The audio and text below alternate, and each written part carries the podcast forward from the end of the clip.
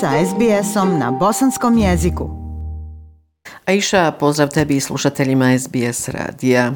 E, pogoršava se epidemiološka situacija u Bosni i Hercegovini, e, tako da iz dana u dan se povećava broj zaraženih koronavirusom, što je opet sasvim i očekivano. U međuvremenu, saopćiću saopćit ću podatke posljednjeg istraživanja e, koje je provela agencija Ipsos e, u julu ove godine. Naime, e, po tom istraživanju ukupno 13% građana u Bosni i Hercegovini preboljelo je COVID-19.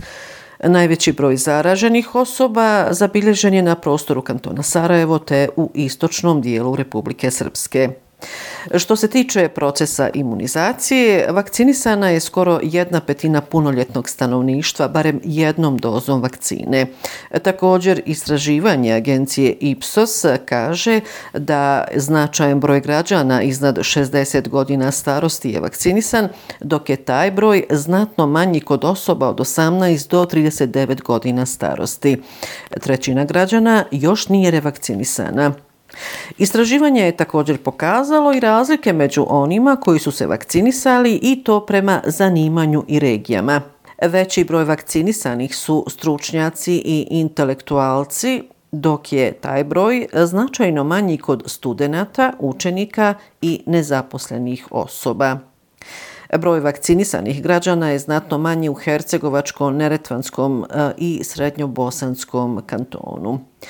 Od ukupnog broja građana vakcinisanih protiv koronavirusa, 30% njih je primilo prvu dozu Pfizera, a 27% prvu dozu AstraZeneca vakcine.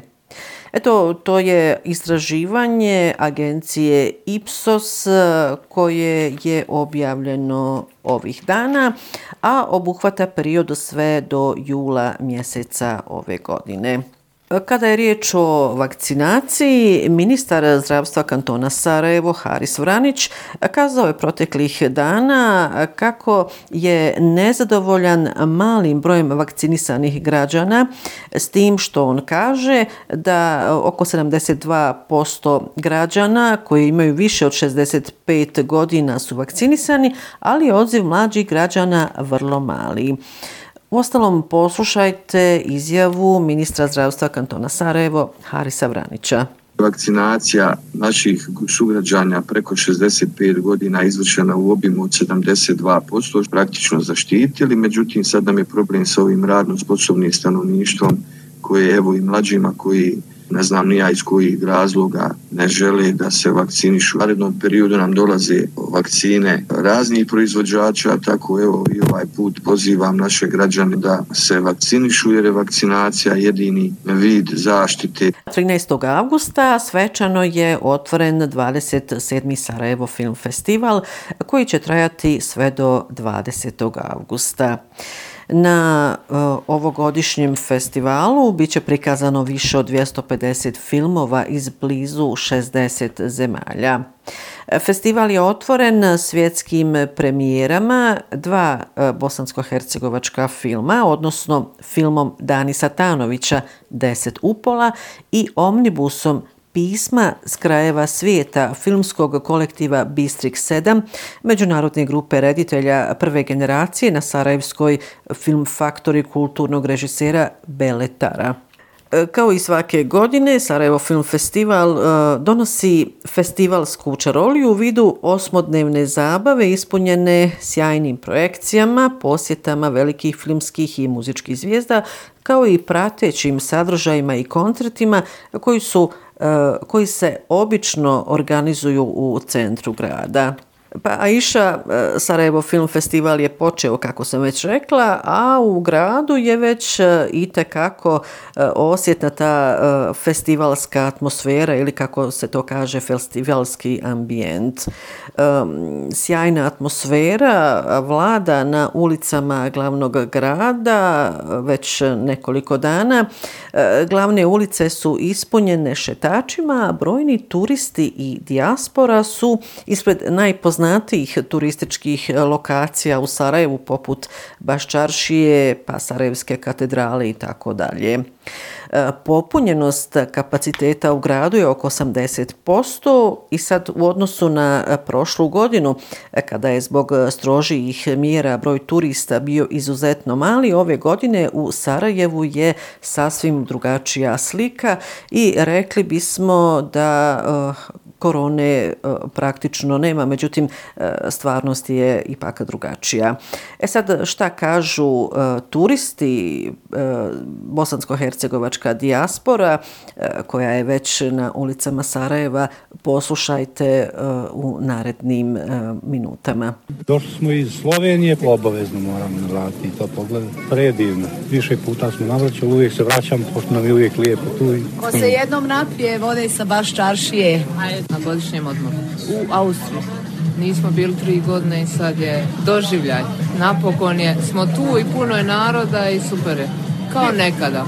Ja sam s Grbanice, one su iz Italije. Dobro večer, ja živim u Italiji. Dvije godine nisam ovdje, zbog virusa. Možemo večeras, ćemo najverovatniji krug obići.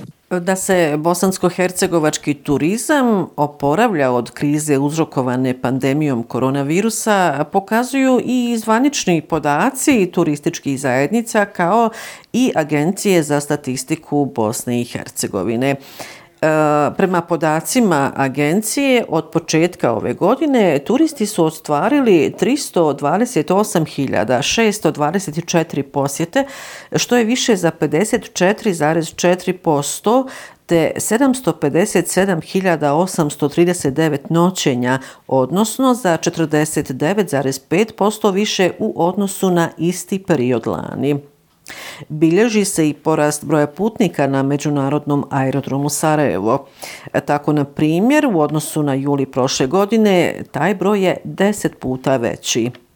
Prošlog mjeseca, dakle jula, kroz Sarajevski aerodrom prošlo je 136.017 putnika, dok je taj broj u julu 2020. godine iznosio 13.345 putnika. E, sud Bosne i Hercegovine 10. jula donio je naredbu za raspisivanje međunarodne potjernice za Milomirom Savčićem, koji je optužen za genocid u Srebrenici nakon što ga sudska policija nije mogla pronaći na adresi poslije određivanja pritvora.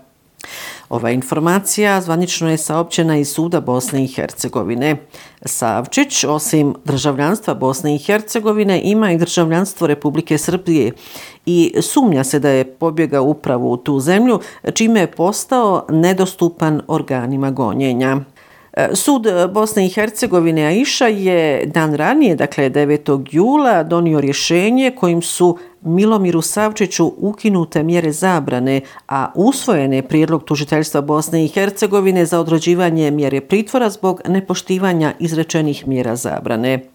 E, pritvor Savčiću određen je zbog kršenja mjera zabrane u odnosu na konkretan predmet koji se vodi u sudu Bosne i Hercegovine.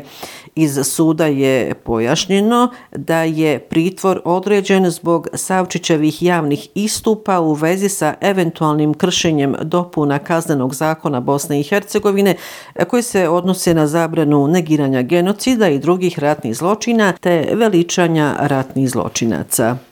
I za kraj informacija, treća BH povorka ponosa održana je 14. augusta u Sarajevu pod sloganom Otpor su margine. Organizacioni odbor naveo je kako je i ovaj skup otpor stalno izloženosti strahu, nasilju, diskriminaciji, kršenju osnovnih ljudskih prava i neravnopravnom tretmanu. Više stotina učesnika ovog skupa prošlo je centrom grada, a njima su se priključile i mnoge ličnosti iz javnog, političkog, diplomatskog i kulturnog života. Istoga dana održan je također u Sarajevu i anti-LGBTQ skup. E, oni su se okupili, kako su rekli, da bi mirnim putem e, iskazali ili mirnim putem se borili protiv nemorala i e, devijacije u društvu.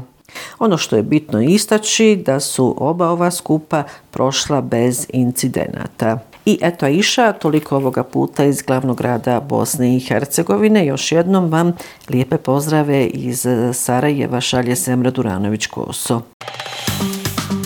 Like, share, comment.